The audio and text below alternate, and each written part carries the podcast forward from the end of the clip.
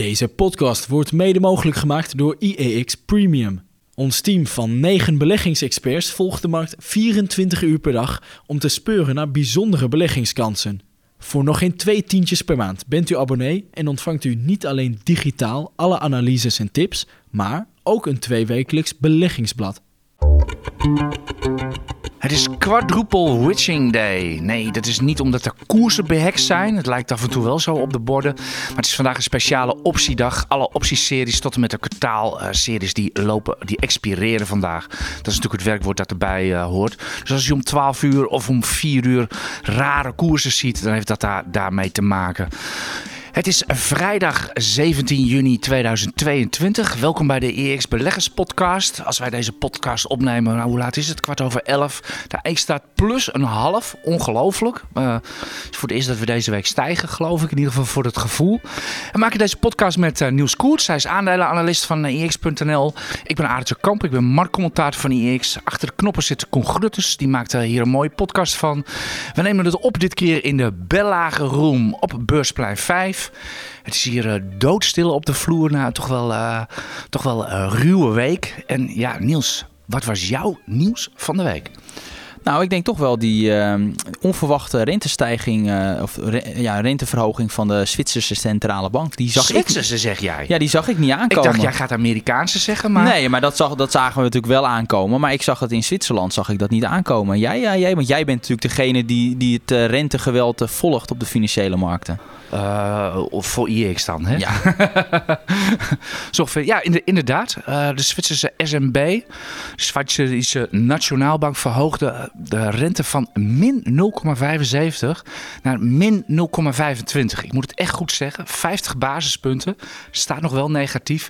Maar het was onverwacht. En uh, de koersreacties uh, die waren echt niet mis. De, de Zwitserse frank steeg natuurlijk keihard ten opzichte van de euro. En hier in Europa, wat de rentes de afgelopen dagen allemaal wel niet hebben gedaan. Ik, daar gaan we zo meteen wel even, ja, maar het, feit, wel even het is over. natuurlijk wel zo dat op het moment dat, dat zoiets onverwacht komt, dan geef, dat geeft een, eigenlijk de centrale bank al een, een, signaal af van dat ze eigenlijk wel in paniek zijn. Want anders ja. doe je dat niet. Ja, ik, volgens mij heb ik ook in een van mijn stukjes deze week geschreven. Ik geloof vanochtend in mijn morning call van. Er lijkt meer paniek onder centrale bankiers dan onder aandelenbeleggers. Nou, dat, is wel heel hard gegaan hoor, de laatste weken. Ik zie, zie jij paniek? Zie jij paniek op de beurs? Ja, maar goed, wat definieer je als paniek? Kijk, de volatiliteit ook iets boven de 30 punten. Dat geeft wel aan dat er nou, toch wel behoorlijke spanning is op de financiële markt. Ja, maar voor paniek is minimaal 40. En echt eigenlijk wel even uitschieters naar 50 à 80 uh, Dat staat er nodig. nog. Ja, als je, als je kijkt naar het verleden, 2008. 2020. Ook, ja, ook maart 2020. Toen stond er uh, even 100. Ja, dat was dus, bizar. Uh, dat waren echt, ja, op de vloer heet het dan dat de markt wordt uitgekomen kotst. Dat is, ja, het is, het is, een ordinair begrip natuurlijk, zo heet het onder handelaren. Maar het, geeft, het, is, het, het woord geeft het wel perfect aan, denk ik. Echt, het, echt de, de laatste eruit, ja, eruit kotsen eigenlijk. En daarna kunnen we weer gaan stijgen. Of dat al aan de orde is, dat maar goed, jij, niet. Jij, maar... jij zegt natuurlijk van, uh, van, nou, dus van paniek is er onder aandelenbeleggers is er nog geen sprake. Nou, normaal, een bodem uh, is, vindt meestal plaats als er wel paniek is. Nou, jij geeft nu, je zei net van, nou, dat is er nog niet, maar je zei een week geleden, ja, ik zie bodemsignalen, maar dat, dat is dan toch een beetje raar. ja, die zag ik vorige week ook. En, en die waren er ook. En die zijn er eigenlijk, die zijn er misschien zelfs nog steeds wel. Ik, ik zat, vanochtend naar uh, Chinese technologie te kijken. Dat is natuurlijk het eerste wat in de bear market ging. Toen met die mislukte beursgang van Ant Group, Alibaba. U kent het uh, verhaal. En uh, ja, die zou wel weer eens op het punt kunnen staan een opgaande trend te laten zien. Kijkt u daarvoor naar de Hang Seng Tech Index of de, of de Amerikaanse, het zijn eigenlijk dezelfde aandelen, de Nasdaq China Golden Dragon Index. Het zou kunnen, ja. Weet je, Niels, mijn scenario is, is dat we gewoon een winstrecessie krijgen. En dat, de, en dat de koersen ook nog wel lager gaan. Maar Mr. Market luistert nooit naar mijn, uh, naar mijn scenario's. Dus ik probeer altijd mijn ogen zo goed mogelijk open te houden voor hè, wat weerspreekt er met mijn scenario. Zijn er dingen in de markt die aan het veranderen zijn? En ik zag vorige week met, met Paul, de, de, de podcast met Paul Weteling. Jij was uh, in Baku, geloof ik, bij ik een Grand Prix. Het was de duurste vakantie ooit achteraf. Want het ging iedere dag omlaag dat ik daar, uh, dat ik daar was. Wat, dus wat ging omlaag? Oh, de, de oh, koersen. Oh, de koersen. Koersen. Ik dacht, ik Dus- zat aan valuta te denken. Ja, dus ik dacht van ik bespaar het maar op de taxis. Want eh, we werden gewoon een kwartier, we was een kwartier met de taxi van het hotel naar de Grand Prix. En dat was dan 1,45 euro. dus we hebben het maar zo bezuinigd. nou ja, even uit, uitstapje. Waar waren we gebleven? Uh, dit- bij, die, bij die bodemsignalen. Ja, ik probeer altijd mijn ogen open te houden voor... eh, ja, als de ma- markt gewoon de andere, andere kant uit wil. En eh, nou, inderdaad. eh, Deze hebben we, wel heel hard in mijn gezicht gekregen. Deze podcast eigenlijk, want 24 uur later... met het Amerikaanse inflatiecijfer. En ook... Dat leren we deze week van vetvoorzitter Jerome Powell. Ze keken ook naar het eh, consumentenvertrouwen van de Universiteit van Michigan. En dat was voor hun de trigger om met een extra kwartje te komen. Want zoals ik al zei, ik, ik dacht dat jij over de Amerikaanse rente begon. Nee, nee, dat was toch wel... al- Ja goed, het is ook wel verrassend, eh, die 75. Maar eh, er was al de verwachting dat het minimaal 50 zou worden. En toen werd het daarna ook wel eh, gespeculeerd op die 75. Dus Ja, maar hiermee eh, geeft de Federal Reserve natuurlijk wel heel duidelijk aan van... het is eh, heel erg serieus met die inflatie. En eh, wij hebben... Hè, dat wordt eh, tijdelijk, dat is volledig uit het lexicon geschrapt bij de, bij de centrale banken.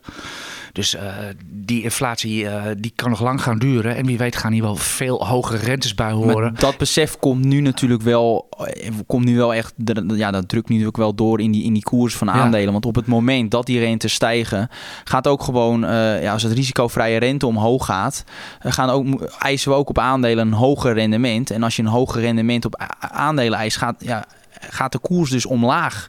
Eh, want ja, als je bij lagere koersen ontvang je verhoudingsgewijs ook een groter dividendrendement. Dus op het moment dat die rentes stijgen, stijgen, zullen ook die koersdoelen van ons, die zullen gewoon omlaag gaan. En dat is ook iets wat ik waarschijnlijk de komende weken zal doorvoeren. Ja, dat zullen gewoon bij, bij de meeste fondsen een significante koersdoelverlagingen zijn. Ja, dat is, is dat gewoon de gamechanger eigenlijk die, er, die er sinds een week is? Dat we gewoon anders moeten gaan waarderen? Want het zijn niet zozeer de taxaties van analisten als het gaat om bedrijfswinsten. Die, die, daar, daar zit het hem nog niet in. Het zit hem nu in, in die hogere rente.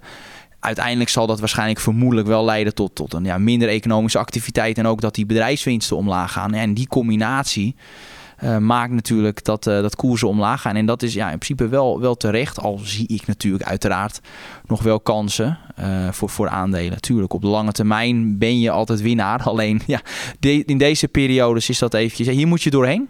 Kan er niks anders, eh, anders van maken. Ja, we zitten allebei in hetzelfde schuitje. We zijn ja, best wel groot, eh, groot belegd. Maar dat hoort erbij, want zonder risico geen rendement. Eh, nee, precies. En eh, ja, eh, mijn eigen verzonnen Cruyffiaanse wijsheid. Als de koersen niet kunnen dalen, kunnen ze ook niet stijgen. Dus af en toe. En ja, we stijgen niet ieder jaar met 20%. Het la- langjarige gemiddelde zijn, hoe lang u maar terugrekent, op 50 jaar is iets van 11%, 10, 11%. eh, echt bruto, bruto herbelegd. En over de allerlangste termijn, en hebben we het echt over de VOC-tijden, dan is het 7% per jaar. Dus ja, als je dan een paar jaar plus 20 gaat, dan weet je dat je, je vroeg of Ja. laat dat je, dat je gewoon... We, we zijn, we zijn ook wel echt verwend geraakt. Ook als je kijkt, als er dan een forse daling was, zoals in 2020, zoals in 2018, dan herstelde het al heel vrij snel. En ik denk dat dat nu, dat herstel, dat dat gewoon langer duurt, omdat die rentes gewoon zijn, eh, zijn gestegen. Ja, het, zie je ook. Hè? Mensen die buy the dip doen en dan, ja, dan dipt het toch weer door. En eh, ik heb zelf trouwens eh, over, over die bodemsignaal. Ik I put my money where my mouth is. Dat wel nieuws. Ik heb de ijs van de week gisteren bijgekocht op de daling. Dat was eigenlijk omdat ik werd uitgedaagd op Twitter. En ik dacht bij mezelf van, ach, waarom ook niet? Ik bedoel, eh, ik heb natuurlijk mijn maandelijkse orders. Die lopen altijd door. Torn ik niet aan. Dat is mijn manier van beleggen. Maar af en toe dan eh, doe ik wel eens wat. En ik dacht van ja, als ik op 830 de AX eh, via mijn maandelijkse orders koop, waarom zou ik ze dan niet op 46 kopen? Nee, nee, qua, Want qua, ik- want qua ja- waardering heb je een veel betere prijs dus op dit de- moment. de- ja, want de koersen zijn van de AX 20% afgekomen, maar de waardering is bijna gehalveerd. Je Ja. koopt de AX nu tegen 12 keer de verwachte winst. Je houdt net dat renteverhaal van waardering. Ik zie een AX die met een derde vol zit met winstgevende technologie. Dan vind ik 12 keer de winst. Eh, ja, misschien gaat het wel 10 of 8 keer worden of 6 keer, dat weet ik niet. Nee, maar dat, het, het zijn ook natuurlijk de aandelen die, die de echte goede aandelen die de hardste klappen krijgen. Zoals een Argen was, was de afgelopen jaren ja, totaal niet, absoluut niet koopwaardig als je het keek naar, naar waarderingen. Maar ook nu zie je bij dat soort bedrijven, die wat toch wel hippe bedrijven zijn, eh, lief- beurslievelingetjes, ja, dat ook de waarderingen van dat soort bedrijven nu echt wel aantrekkelijk wordt. Dus ja, dit geeft, dit, dit soort dalingen bieden ook weer kansen.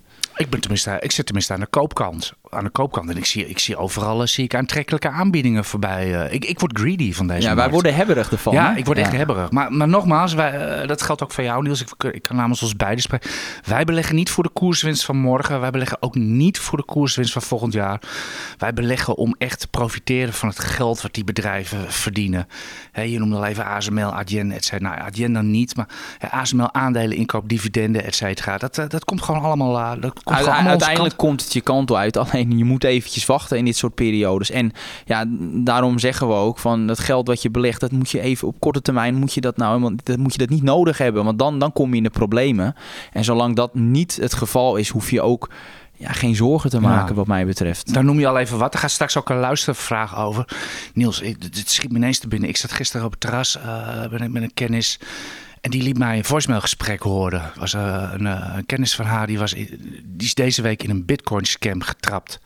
30.000 euro waarschijnlijk weg. Ik wist niet wat ik hoorde, joh. Echt, echt, je hoorde alle rode vlaggen voorbij komen. Een van vage Zwitserse adviseur die 10% rekent. Nou, dat is, een adviseur die 10% rekent, dat is al, dat is al een oplichter. Ja. En dan een Zwitserse rekening. En vandaar moest je bitcoin kopen. En dan moest je weer terugboeken naar een andere rekening. Ja, en toen was het weg. Ja, bizar hè? En dat je echt denkt van... dat zijn eigenlijk verhalen ja, ik, die passen. Ik, ik, ik werd, ik, ik, Ja. ik, ik werd niet, niet, niet, niet boos. Of, of, of, of, eh, ik, ik ben nog steeds verbijsterd. Ik Ja. bedoel... Hoeveel, hoeveel, hoeveel rode vlaggen, waarschuwingen hebben we wel niet gehad? eh, over, Maar ja, over- dan krijgt toch hebzucht de overhand. En wat misschien ook kan zijn, omdat zo'n iemand hoge kosten in rekening brengt, denkt zo iemand, nou dan moet hij wel heel goed zijn. Dat is vaak ook een eh, valkuil. Ik, eh, ik, ik, ik, ik, kan, ik, kan, ik kan er niet bij met mijn verstand. Overigens is volgens mij de, de cryptomarkt nu echt heel erg link aan het worden. Omdat, eh, dan heb ik niet eens zozeer over de koersen. Maar er zijn heel veel partijen in de problemen. Die dreigen gewoon failliet te gaan of wat dan ook. Ja, dan heb je kans dat iedereen op zijn handen gaat zitten. eh, en niemand meer geld aan elkaar uitleent. Of wat, wat voor constructies er allemaal zijn. Ja, in die je- wereld. Ja, in die wereld. Ja, en in die wereld is geen centrale bank om de, even de, de boel op te vangen. Zoals in de kredietcrisis gebeurde in 2008. De Federal Reserve die alles opdwaalde. Dus eh, er zitten hele rare risico's eh, in die markt Nee, eh, maar als, Ja. als het gaat nu om crypto's, dat de risico's voor crypto's die zijn gewoon ja, groter dan ooit. Daar kan er niks anders ja, van dat maken. denk ik ook. En dan vooral omdat dat echt die markt zelf gewoon nu echt heel kwetsbaar is op dit moment. En nogmaals, dat gaat niet eens over de, over de, over de koers van, van crypto. Oké, moeten we verder nog eh, over de brede markt hebben? Niels, of moet ik ook nog maar even het hele lijstje aandelen geven wat we Nou gaan, eh, ja, gaan misschien, geven? Misschien brede markt nog als we het gaan hebben over inflatie. Er zijn toch ook wel argumenten te bedenken waarom dat we het, het ergste achter de rug hebben. Eh, als je bijvoorbeeld allereerst kijkt naar ehm, de loonontwikkeling, nou die zien we nu fors oplopen. Maar op het moment dat die economie toch wat gaat afremmen, en die signalen zien we, we zien ook bijvoorbeeld Tesla eh, mensen natuurlijk eh, eruit nou ja, ont- ontslaan in feite. Ja? Je ziet het bij, ik geloof partijen als Coinbase, dus je ziet best wel 18% bij eruit. aantal bedrijven die dus mensen gaan ontslaan. Dus dan kan het zo zijn dat die, dat die arbeidsmarkt in de Verenigde Staten minder oververhit raakt. Dus dat zou ertoe kunnen leiden dat toch die ja, opwaartse druk van de lonen wat wordt getemperd. Nou, dan heb je nog aan de andere zijde bij mindere economische activiteit horen natuurlijk ook. Zou je ook verwachten dat de energieprijzen eh, gaan zakken. Ehm, daar komt bij dat die grote stijging van de energieprijzen hebben we al gehad. Dus op het moment dat die inflatie wat gaat afkoelen, kan het ook zomaar zijn dat, dat we ineens uit het niets dat centrale banken denken van nou het ergste hebben we gehad. Die rente kan misschien wel een klein beetje omlaag. Daar, daar, daar kunnen we ons nu niks bij voorstellen.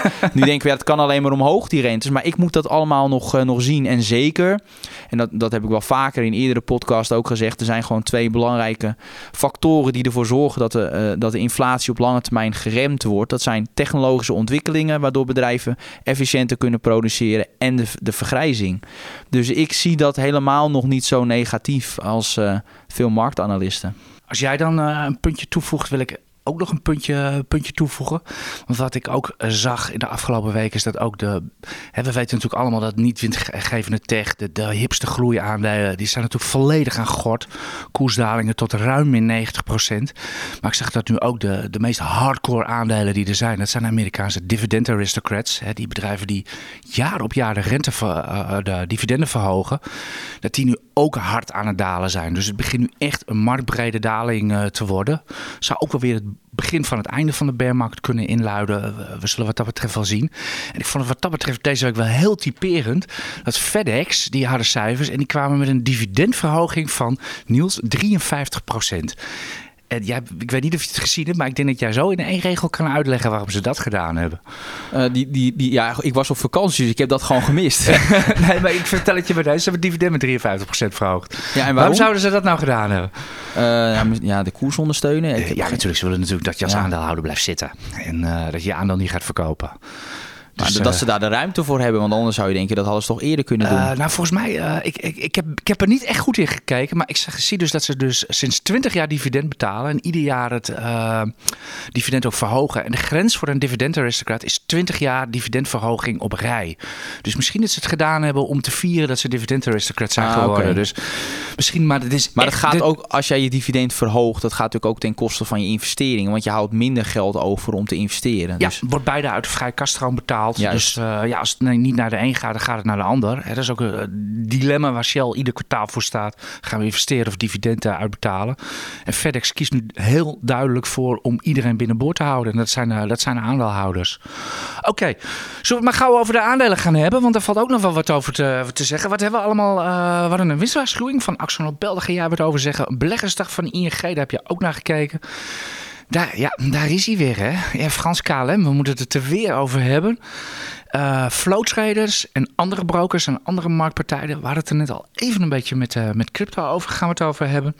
En dan gaan we het over ASML hebben. En misschien nog een klein staartje Philips als we, er, uh, als we eraan toekomen. Uh, eerst maar eens even die winstwaarschuwing van Axo Nobel. Uh, was duidelijk deze week.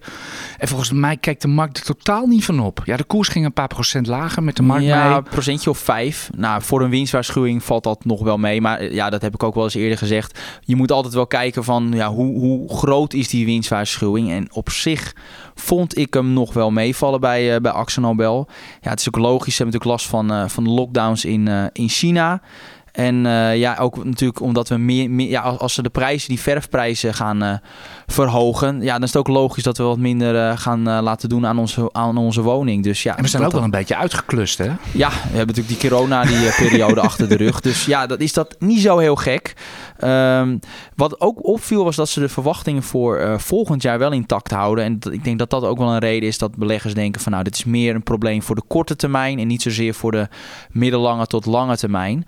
Al is het wel zo waar bij IEX, houden wel rekening mee dat ook dat die targets voor volgend jaar dat het ook nog wel uh, neerwaarts wordt uh, bijgesteld. Oké, okay. kun je ook vanuit beredeneren van als Axo Nobel een, een winstwaarschuwing geeft, dan kun je, uh, kun je vingers erop natellen dat ook die, die en die bedrijven of sectoren, dat daar ook uh, winstwaarschuwingen komen, weet je dat? Ja, dat is waarschijnlijk wel de bedrijven die, die meer moeite hebben om die stijgende kosten door te berekenen aan, aan de consument. Dat zou kunnen.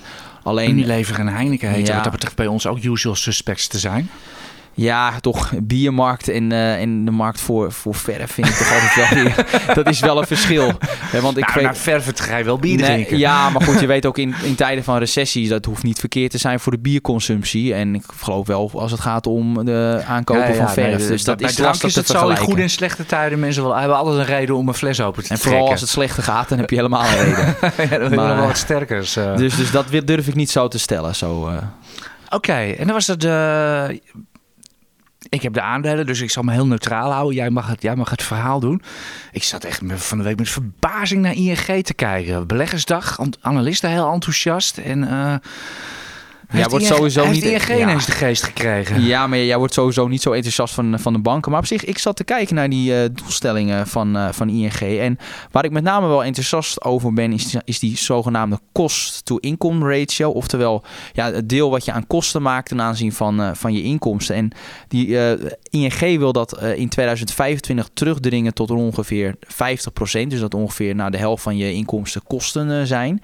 Vergeet niet, ABN AMRO zit dan op 79%. Dus die hebben hun kosten veel minder goed op orde dan, uh, dan ING. En ING denkt echt dat ze hun uh, kosten nog uh, de komende jaren fors kunnen verlagen. Dat ondanks die hogere inflatie. Dus nou, ik vond het eigenlijk wel een goede update. Ze hadden alleen de pech dat ze dat op maandag deden. Toen die beurzen min 2,5, 3 gingen. Ja, dan gaat ook ING omlaag op zo'n, op zo'n mooi bericht. Eh, dus ja, dat, dat, dat is altijd een beetje van timing. Maar ja, op zich, ik werd daar wel enthousiast van. Alleen wat je wel weet bij banken, op het moment dat we in een recessie gaan, dan hebben ze altijd nog weer een aantal slechte leningen op de balans staan. Dus ik ben daar altijd voorzichtig altijd mee. Waar er gebeurt iets in de wereld, is wel altijd exposure. En- Zeker die banken van ons. Ja, en, en, en banken, zeker in, in Europa, het afgelopen 20, 25 jaar, dat zijn gewoon echt zwa- zwakke beleggingen gebleken. En dan ben ik altijd voorzichtig om daarin te stappen. Bedrijven met echt een la- slecht lange termijn track record, daar, daar zit ik liever niet in. Ik weet niet hoe dat... Ja, jij wel dus. ja, ik kan er niks anders Ik van wou maken. net zeggen, wie wil, er, wie wil er nou in een aandeel zitten met een lange termijn slecht track Ja, record? jij dus. nou, dat valt wel mee. We hebben aardig, eh, aardig, maar aardig wat, ik sta nog wel aardig voor hoor. Met, met, met Ja. Nee, maar ik, ik ben het met je eens. Ik, ik vind eigenlijk banken gewoon cyclische bedrijven. En eh, als ze in goede jaren kunnen ze ongelooflijk veel geld verdienen. Maar net wat ik zeg, er hoeft maar iets te gebeuren in de wereld. En ze kunnen weer afschrijven. En, Ja. eh, ik, daar hou ik niet van. Ik wil rust in de tent als ik Ja, beleg. dan, dan als je dan Ja. een alternatief zoekt, ja, dan vind ik bijvoorbeeld een Adyen veel mooier. Nee, nee, nee. Maar Die hebben ook al die issues tussen onder, ons, onder, onder ons, eh, Niels. eh, Die, die aandelen zijn eigenlijk van mijn vrouw. Die ING's, die wou ze hebben. Maar ik Ja. ben nu zo ver dat we gaan ze inruilen voor Oh. Maar moeten natuurlijk even een mooie koers afwachten. Ja, maar, ja. Maar, Dat maar, zal wel weer maar het is wel, wel netjes, want ik, ik ken veel mannen die zeggen de aandelen die slecht lopen, die zijn meestal van je vrouw. Dat is wat ik vaak hoor. Maar bij jou, Eh, jij bent nee, gewoon eerlijk, nee. dat is Nee, ik ben, goed ik ben. ASML aan, aan het kopen. Die, die, die, die- gewoon op, op de daling. Gewoon, gewoon een plukje bijkopen. Weet ik veel waar de bodem is. Dat, eh, en die mis je toch wel, de bodem. Hè, want, ja, Nou, je, jij hebt met ING ja. wel redelijk de bodem gevist. Want ik geloof ja, in nou, ik ging 2000... nog veel lager. Ik heb zo een hele mooie koers gekocht. Ja, maar rond de Zelfs- 4 zelfs met euro. Ja, ja, nou, ja, dat is, Dat is ja. wel aardig de bodem hoor. Ja, dat, we zaten aardig in de, in de buurt wat dat betreft. Maar, dat Maar dan heb je weer te weinig ingestopt. Ja, Zo maar dat is altijd zo. Ja. Ja. Nee, dat was gewoon, dat is gewoon een kwestie van ook een beetje mazzel hebben. Nee, maar ik, ik bedoel, eh, ik, ik, ik publiceer ook gewoon als ik wat koop of wat dan ook. Ik zet dat gewoon op Twitter, dus ik krijg natuurlijk altijd heel veel reactie op. Ik had het natuurlijk ook met de AX en met de ASML. Nee jongen, dat gaat nog veel lager, zegt iedereen tegen me. Wacht nou, et cetera. Beste mensen, ik probeer de bodem niet te timen, want die heb je niet. En eh, ik heb een hele wijze les geleerd. eh, De bodem van 2009. Bij iedereen die op de bodem zat te wachten. Die zat er in 2012, in 2013, in 2014. Zaten ze nog steeds op de bodem te wachten. Want het was natuurlijk een sukkerrally. En die mensen hebben al het rendement gemist. Het, heet dat- niet, het heet ook niet voor niets. De meest hated rally ever. En eh, dat zijn we de laatste jaren Dat is ook het grootste gevaar van, van als jij per se die bodem wil hebben of dat je van het van eh, bent Ja, van want je nou, gelooft nog niet ja. dat hij al is gevallen. Ook al zitten we weer dik in een uptrend. Nou, dat is ook wat vaak mensen hebben van, nou, ik verkoop deze aandelen en als ze dan 10% dippen, dan koop ik ze weer opnieuw. Maar soms dan, er komt gewoon een moment dat die dip niet komt en dan kan het zo zijn dat je een rit van 100, 200% mist en dat je misschien nooit meer in wil stappen, omdat, ja, je- omdat, je, eigenlijk, ja, omdat je er gewoon slecht over voelt, omdat je, ja... ja Oké, ja. hoe doe jij dat dan, eh, Niels? Je verhaal is duidelijk. Maar Nou, ik, ik, ik, ik koop altijd. ja, ik kan er niks anders van maken. Het geld dat ik kan missen, dat stop ik gewoon in aandelen. En dan maakt het me... Tuurlijk kijk je wel naar de waardering van aandelen. Ik, bij mij is een beetje heel... Ik ben daar heel simpel in. Ehm, op het moment dat de brede markt in zijn algemeenheid niet extreem duur is. Dus dat het niet, niet zoals in de jaren 2000 dat je een rente had van 8% en dat, dat het dividendrendement gemiddeld maar anderhalf procent is. Als het niet een extreme situatie is, dan is het gewoon succesvol om in, in aandelen te stappen. En dan, ja, ik ben natuurlijk analist, dus dan kijk ik natuurlijk bij welke bedrijven de, de meeste kansen liggen en daar stap ik dan. eh, dan in. Dus in principe bij mij is, is het bedrijf leidend eh, waar, ik, eh, waar ik instap. En het maakt me dan niet zoveel uit of de beurs dan gezakt is of niet. Dat maakt niet. Het is mooi meegenomen als je goedkoper kan kopen, maar in principe wil ik Ja, altijd zo, kopen. ja, zo, zo doe ik dat. Ja. Ja. Gewoon laag, laag kopen. En of dat als dan nog verder, verder daalt, ja, koop nog meer. Ja, oké, maar Dus, goed, eh, jij, ja. jij houdt nog echt extra geld achter de Ja, hand. ik heb cash. Ja, dus, Ja, oké, maar dat, kan, dat, ja. dat laat je dan in principe staat dan toch te niksen op bepaalde momenten. Is Omdat gewoon- je per se de daling wil kopen. En dat heb ik dan gewoon- niet. Hij is gewoon huishoudpotjes plunderen, Niels. Oké. nee, nee, serieus. Ik, ik, heb dat, ik heb dat geld gewoon. Dus, eh, Dus ja, jij Kijk, jij, gewoon een jij, extra jij vergeet aan. één ding, joh. Ik bedoel, jij bent net 28 geworden. Je hebt een heel ander risicoprofiel. Ik word over twee weken 54, Niels. En daar hoort een heel ander eh, risicoprofiel bij. Er Ja. komt trouwens zometeen ook nog een leuke vraag over bij de, bij de vragen. Komen zo meteen. Maar goed, je kan toch ook gewoon werken tot je 75ste. Want ik bedoel, jij, jij vindt dit, jij vindt dit, dit, dit Dat- werk dat- hartstikke leuk. Ja, dat, jij gaat nooit stoppen. Je wordt gewoon de Johan Derksen van IEX. Gewoon nooit stoppen. Gewoon nooit Moet ik wel stoppen. een snor laten staan? Nee, maar, nee, maar serieus, dat, dat weet ik nog. Dat was de, dat was de, de EU-crisis. Eh, eh, nee, de EU moet ik zeggen. Ja. Anders krijgen we weer ruzie. Ik was taalvervuiler. Tien jaar geleden. Hè, de Grieken die op hun vijftigste met pensioen gingen. Ik, ik, zit, ik, ben vier, ik word 54. Ik, ik kan me helemaal niks meer voorstellen, pensioen. Ik, heb, voor mijn idee ben ik net begonnen. Ja. ik begin nu Ja, ja, ik door werk- te krijgen en dan, ja, dan, ik dan werk met 30 pensioen. jaar. Ja. En eh, ja, nee, ik- wat, wat moet ik dan doen? Moet ik dan op een camping gaan zitten, zitten wijn drinken of zo? Ik, eh, Nee. nee eh, Wij gaan maar- door. Wij gaan gewoon lekker. Jullie maken zo'n heerlijke rotzooi van iedere dag op die beurs. Ik krijg er geen genoeg van. Wij gaan door. Over, Met de over- luistervragen. over- nee, ik dacht eerst, omdat we nu toch over rotzooi hebben, zullen we het ook nog maar even. Frans KLM He- doen voor heel mooi pauze? bruggetje. Prachtig bruggetje. kan er niks anders van zeggen. Niels, Niels, voor- voordat jij losbrandt, want eh, bij, bij Air France zeg Air France en Niels, Niels praat vier uur vol. Quote van de week van de, de CEO van Air France KLM, weet je, weet je welke ik bedoel? Ja, ik vermoed wel. eh, ik ik zat, zag die quote toevallig te lezen vanuit eh Baku. Ja, toen dacht ik wel van mijn hemel. Dat was wel weer het. eh, Nou, tromgeroffel, wat zei meneer Ben Smith? Nee, ben Smith die zei: het succes van die emissie eh, maakt duidelijk dat aandeelhouders vertrouwen hebben in, in Air France KLM. Nou goed, daar heb ik wel een andere mening over. Ja, ja, ik bedoel, het uh, duwde zich gewoon, weet ik veel wat voor emisiedoelen, strot, of niet? ja, kijk, dat is natuurlijk die discount die werd, werd, werd ingevoerd. Ja, die was dusdanig groot, 85% discount. dat je Ja, dan je moet je wel. Met je kettingzaag op je keel eh, is het eh, vertrouwen eh, En goed. wat meespeelt is dat de overheden, de Nederlandse overheid, de Franse overheid, die garanderen die emissie. Dus ja, dan moet je wel, eh, wel meedoen om verwatering te voorkomen. Ja, en het is in feite gewoon een manier eh, van staatssteun.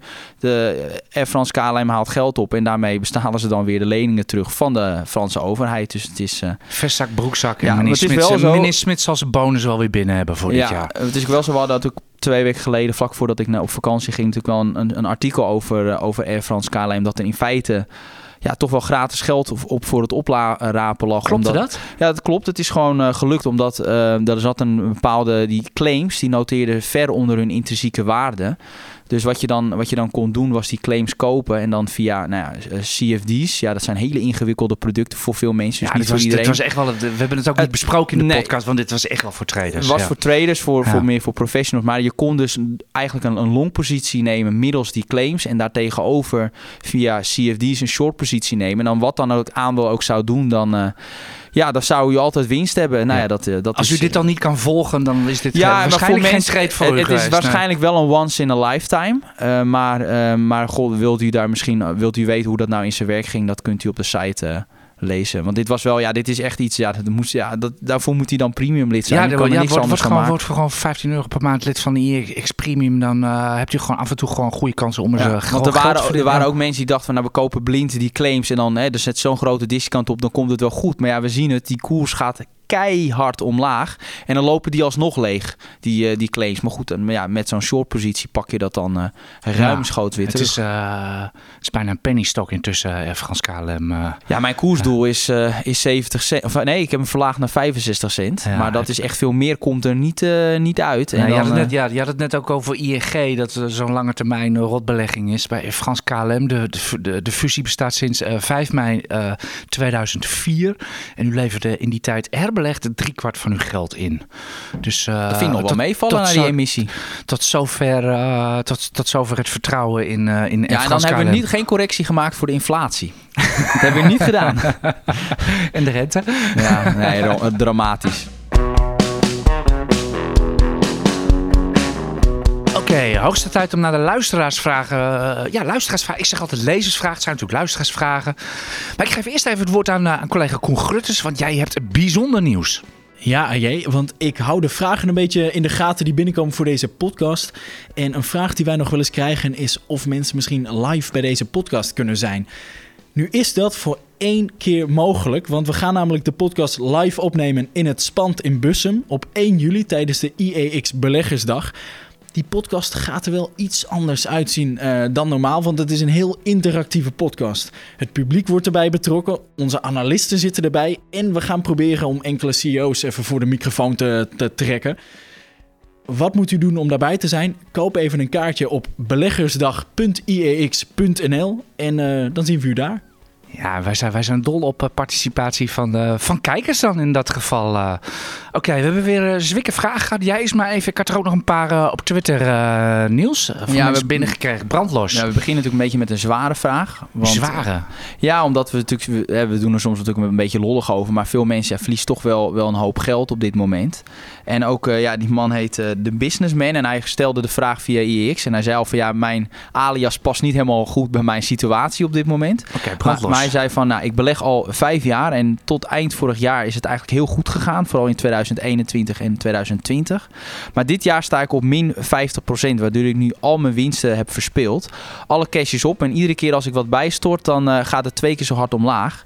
Hij zegt, ja, stel het stopt hier qua daling, dan moet het nog wel de koersen 100% stijgen tot ik weer op het oude niveau ben. Hij zegt, lang verhaal kort, wat is handig, wat moet ik doen? Niet meer naar kijken naar mijn portefeuille, juist wel kijken en, en, en leren van wat ik fout heb gedaan. Want hij zegt van ja, ik heb toch wel een beetje slapeloze nachten van, uh, van wat er nu gebeurt. Uh, als je slapeloze nachten hebt, dan is het heel simpel, dan neem je te veel risico. Ja, ja ik vrees ook wel, als je natuurlijk dit jaar 50% in de min staat, dan vrees ik wel dat de aandelen die je hebt gekozen, dat het van één bepaalde categorie zijn. Dat zijn dan de niet winstgevende technologiebedrijven. Dat is toch wel de onmiddellijk aan te denken. De, uh, ja. ja, wat dat betreft, wat, wat dat betreft is eigenlijk deze vraag om die goed te beantwoorden, Niels, denk ik, dat we te weinig informatie hebben. We weten niet wat het risicoprofiel is van deze meneer. We weten niet op wat voor termijn die belegt, wat ze, wat ze uh, eh, dat soort dingen. Als je echt voor, voor korte termijn koerswinst uh, belegt, ja, dan wordt het een heel lastig verhaal. Beleg je echt op lange termijn voor je pensioen, dan zou ik zeggen van doe je brokeraccount dicht en zet de koersen uit en ga wat leuks doen en blijf er vooral vanaf. Ja, toch zou ik eh, wel wat aanpassingen doen. Uh, wat ik zelf zou doen, is, is toch wel een deel van, van, van je technologiebedrijven die, die, die er slecht bij liggen, die een deel te verkopen en daar meer bedrijven te kopen die ook echt een sterke cashflow draaien. Waardoor je, op dat, waardoor je portefeuille iets minder gevoelig is voor de forse koersdalingen op de markt. Dan ga je niet meer twee keer zo hard omlaag als wat er nu gebeurt.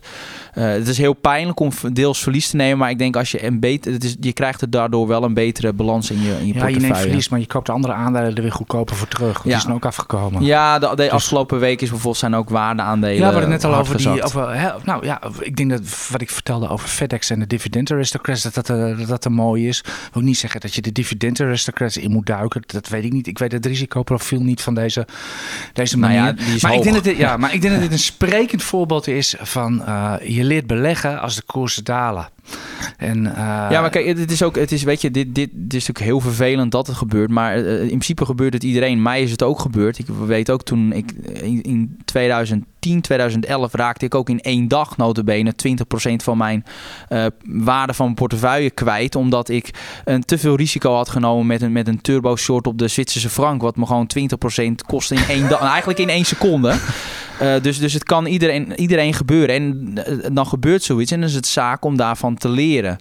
Uh, ja, zo moet je dat uh, zien. Ja, op een, een, je, wordt, je leert het meest op het moment dat het uh, misgaat. Dus het is, het is mij ook, ja, een halvering in één jaar is me dan nog niet gebeurd. Maar ook, het is, ook mij is het gebeurd dat ik op, in binnen een korte periode zware verliezen heb geleden. En, en toen ben ik mijn strategie gaan veranderen door meer te kijken naar echte winstgevende aandelen met een sterke cashflow. Dat, is wel, is wel heel grappig, want ik, ik heb dit natuurlijk ook meegemaakt. Ik stond in maart 2009 stond ik zelf min 60% in mijn porto. Ik zat toen in het roemruchte Fortis Obam. Tegenwoordig heet dat, uh, heet dat ook Obam. Dat was echt, uh, dat was echt zeg maar het ARK fund van, uh, van die tijd, om het, om het zo maar even, even te noemen. Maar wat ik daartoe van geleerd heb, is dat ik werd er eigenlijk niet warm of koud van, van die koersen. Ik lag wakker van mijn baan. En ik heb eigenlijk op dat moment ontdekt van, ik, ja, de, de, treden, et cetera, handelen, uh, daar ben ik helemaal niet goed in. En dat, dat, interesseert me eigenlijk ook niet zo om dat zelf te doen. Maar gewoon langer termijn beleggen, in die markt te zitten, is wat bij te kopen. Ik merk het nu ook, die, die daling, et cetera. We maken hier ook iedere week gewoon lol in die podcast. U hoort het, wij zijn ontspannen. Het, het, het, boeit ons eigenlijk niet. Dat we nou, zoveel... het is natuurlijk wel vervelend als je hard omlaag gaat. Maar aan de andere kant, zeker voor jonge mensen... Ik vind, het, ik vind het niet meer dan logisch. Nou, wat er de afgelopen jaren, die totale idioterie vorig jaar met, met die meme-aandelen. Dat we, dat we, weet ik, voor, voor apen NFT's, weet ik van wat betaalde en al dat soort kolder, et cetera. Dat je dat Nicola. die- dat je dat soort, ja, nou noem alle onzin maar op die we gehad hebben. Dat is toch, ik vind het niet raar dat we dan gewoon, eh, gewoon, gewoon een keer goed op ons donder krijgen, hoor. Ja, van maar het blijft be- beleggen en handelen is een hele serieuze zaak. Nee, hoor. maar het blijft ook wel vervelend als je natuurlijk in korte termijn veel eh, geld verliest. Maar anderzijds het wel zeker als je wat jonger bent, ge- biedt dit ook kansen. Want door de lagere beurskoersen zal je rendement op lange termijn juist hoger uitkomen. Omdat je goedkoper bij kan kopen. Ja, Dus zo, ja. moet je, zo moet je dat ook zien. Al is het voor je gevoel gewoon, ja, ja is het slecht terwijl het voor je, lang- ja, terwijl het eigenlijk positief is. Ja, uh, ja, alle mooie lijntjes beginnen uh, ja, maart 2009. Moet je, weet je wat de krantenkoppen toen waren en toen, hoe iedereen erbij stond? Dat dat was niet van koop nu aandelen. Dat was uh, iedereen. Uh, ja, en weet je, uh, het, het werkt altijd precies hetzelfde. Kijk, vorig jaar in die boelmarkt, de koersen konden alleen maar om, omhoog. En in een bearmarket werkt het precies andersom. Iedereen denkt dat de koersen alleen nog maar omlaag kunnen.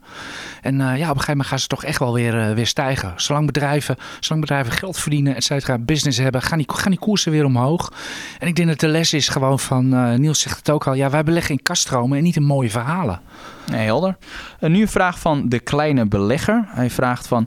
Ik beheer een kleine portefeuille van circa 12.000 euro... en koop elke maand een wereldwijde tracker, de AEX... en een wereldwijde small cap uh, index. Daarnaast heb ik vijf individuele aandelen om, de, om het leuk te houden, waaronder ASML. Um, hij zegt portfolio van, wel, Ja, hij zegt van, nou, ik, ik heb ASML ML al, maar ik zou graag willen bijkopen. Maar, maar dat zou betekenen dat ik daarmee meteen ja, overwogen zit in ASML in mijn portefeuille. En dat gaat in tegen mijn regels. Kan ik, is het nou verstandig, vraagt hij, om, om ze alsnog bij te kopen of om het toch maar niet te doen? Uh, nee, als tegen je regels gaat, moet je het niet doen. Nee, dat is zo standaard één. En anderzijds, als jij AEX-trekkers hebt, dan zit je al extra in ASML. Ja, omdat 15 procent Dat is al 15% Dus je zit dan al best wel groot in ASML. Dus ik zou dat zelf ook niet, uh, niet, niet doen. En dan voor misschien, andere, uh, misschien een, een ander aandeel te kiezen. Ja, ja. Het is, uh, ja, hou je vooral aan je, aan je eigen regels. Want dat, dat zijn dingen die. Uh, hè, misschien merk jij dat nu ook al, Niels. Uh, ik, ik word daar veel uitgescholden, et cetera. Belachelijk gemaakt, noem het maar. Dat heb je nou eenmaal bij dalende koersen. Ik zie, ik zie het graag, want dit hoort gewoon bij een, bij een bear market.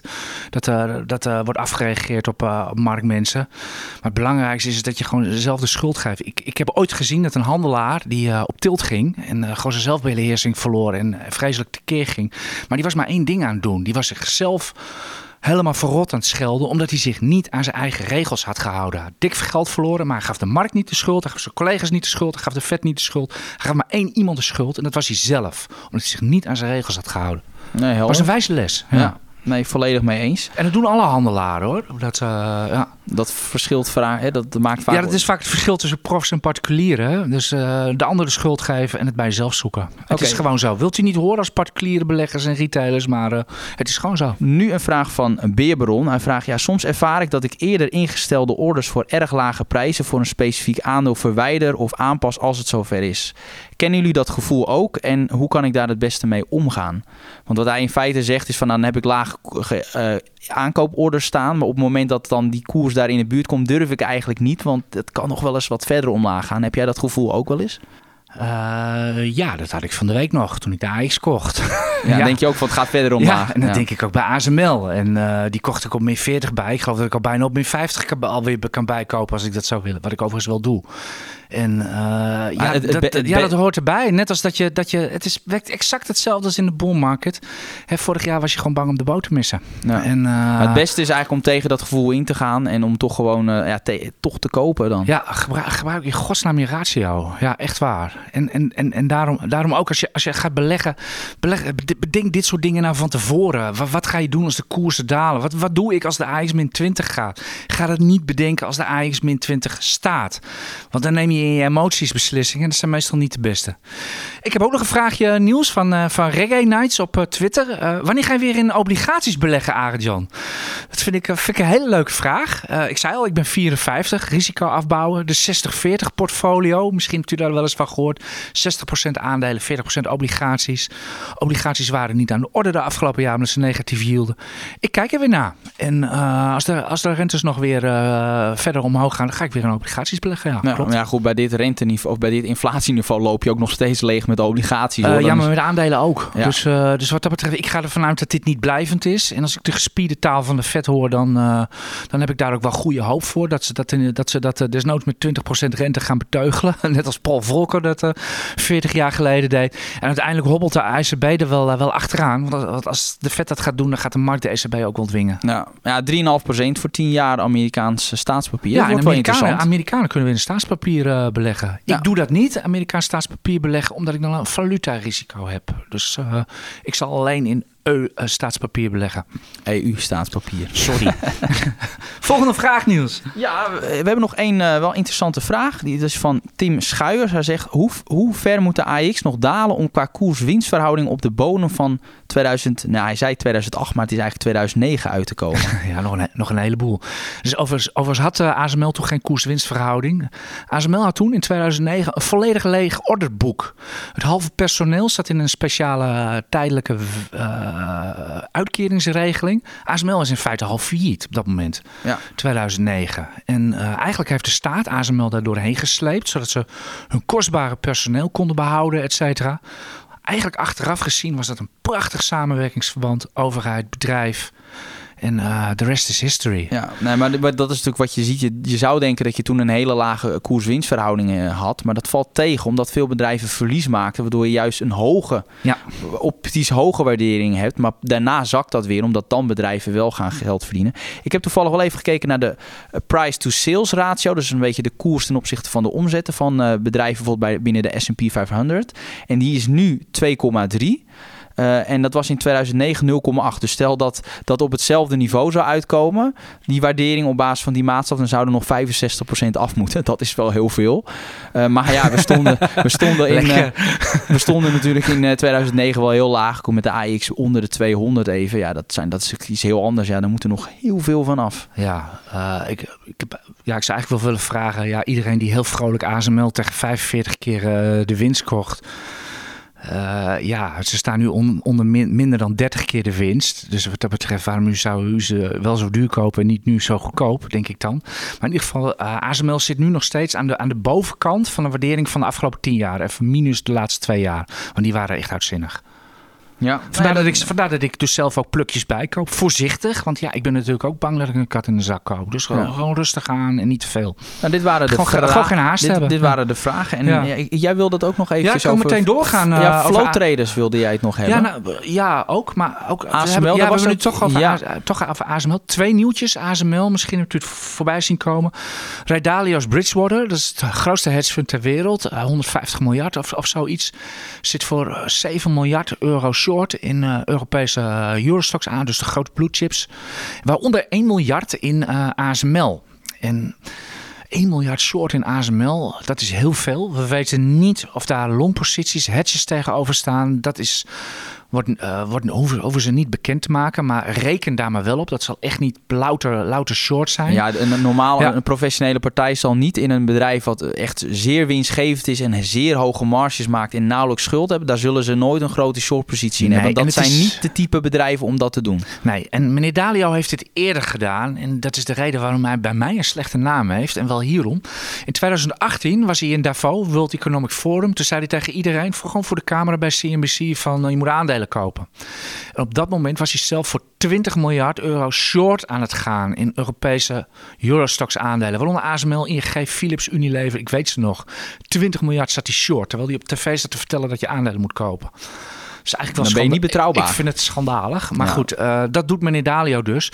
Het zijn echt korte termijn trades, want een paar weken later was hij er alweer uit. Ik denk dat meneer, meneer Dalio redeneert van inderdaad, de omstandigheden zijn veranderd in de afgelopen week. We hebben te maken met inflatie en rente.